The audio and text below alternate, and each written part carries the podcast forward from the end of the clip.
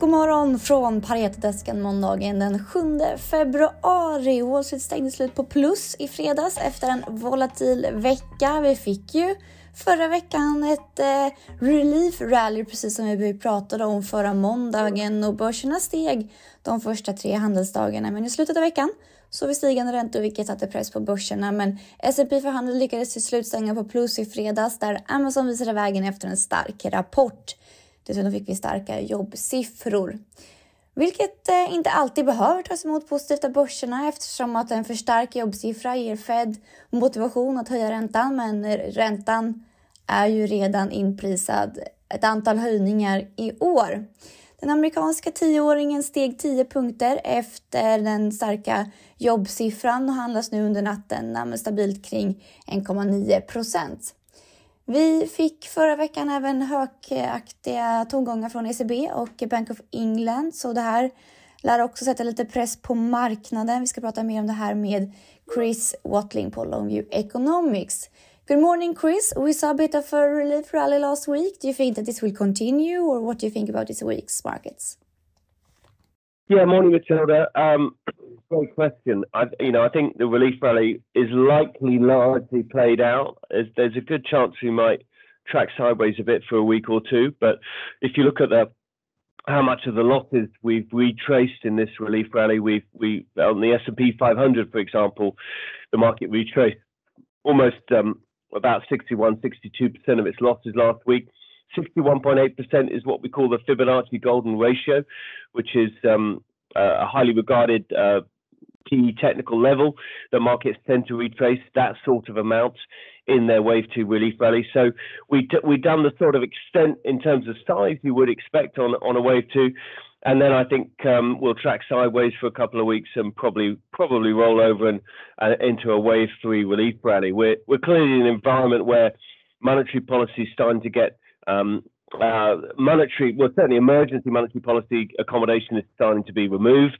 That's a challenging time for markets.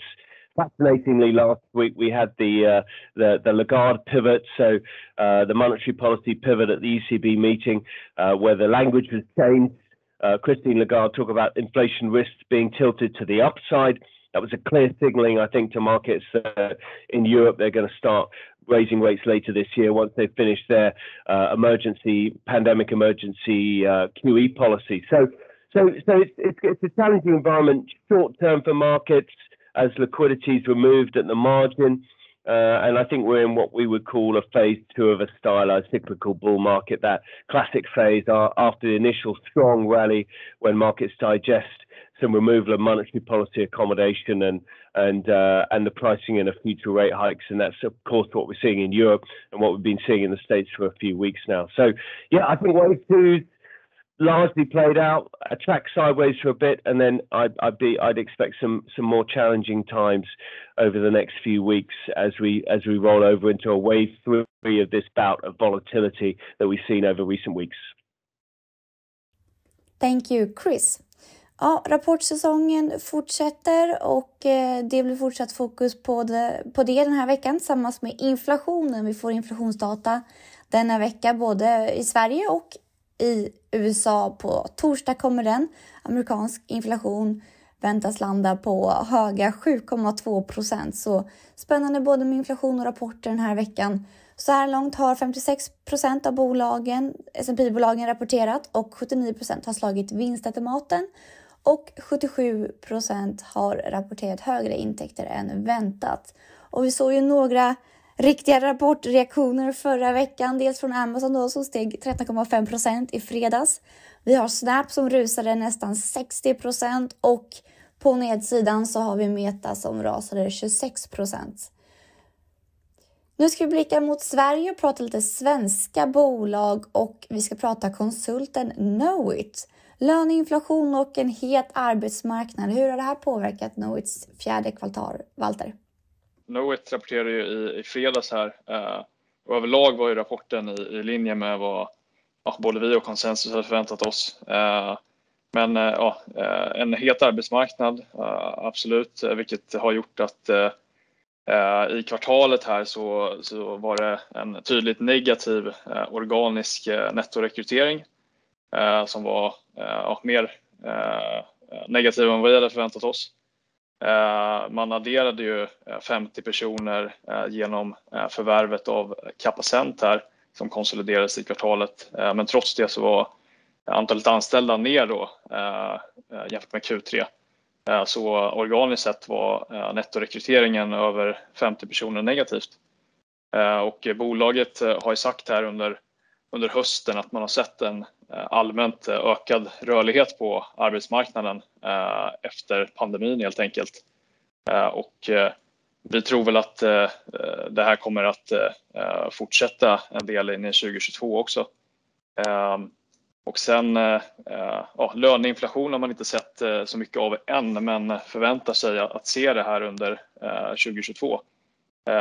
Men det säger bolaget samtidigt att man tror sig kunna kompensera för det här eh, genom eh, prisökningar eh, och känner sig relativt konfidenta med det. Men lönerna har ju också varit ganska stabila här de senaste två åren. Så det är en återgång kan man säga till löneinflation som förväntas under 2022. Så vi tror ju marginalerna kommer vara ganska stabila här under 2022 jämfört med 2021, där man får en positiv påverkan från Eh, nyligen genomförda förvärv eh, och synergier i samband med dem. Eh, men också en negativ påverkan på ökade rekryteringskostnader och en del normaliserade kostnader här efter pandemin som har varit lägre under pandemin helt enkelt. Så även om vi kommer behöva höja lönerna så kommer de kunna kompensera för det här genom att ta högre priser? Ja, nej men vi tror det och eh, bolaget sa under konferenssamtalet också att eh, man har lyckats genomföra sådana prisökningar här under eh, november och december när man har omförhandlat då tidigare ramavtal som man har haft. Så ja, bolaget verkar hyfsat självsäkra på att man kommer kunna parera den här förväntade löneökningen då. Valter, du gillar ju Knowit-caset. Vad eh, mer är värt att highlighta i det här caset tycker du? Eh, ja, vi tog ju upp eh, Knowit i köp inför rapporten. Vi tycker väl att aktien har fått lite, eller ja, börsklimatet har ju varit ganska dåligt här i början av året, men vi tycker att Knowit har fått lite oförtjänt mycket stryk. Det är ju i grunden ett väldigt stabilt bolag med en business som taktar på bra och särskilt nu så ser man en väldigt god efterfrågan. Eh, sen tycker vi då att, eh, eller vi gillar bolagets nya finansiella mål som man kom med under förra året i samband med förvärvet av Cybercom. Eh, och framförallt då tillväxtmålet på 15% årligen indikerar att man kommer bli mer aktiva med M&A framöver. Och vi tycker att nu har man haft två kvartal här med Cybercom sedan det konsoliderades och trots stora integrationsåtgärder har man visat Eh, visat väldigt eh, god eh, performance, vilket vi tycker ger då kredibilitet till den här M&A-strategin då.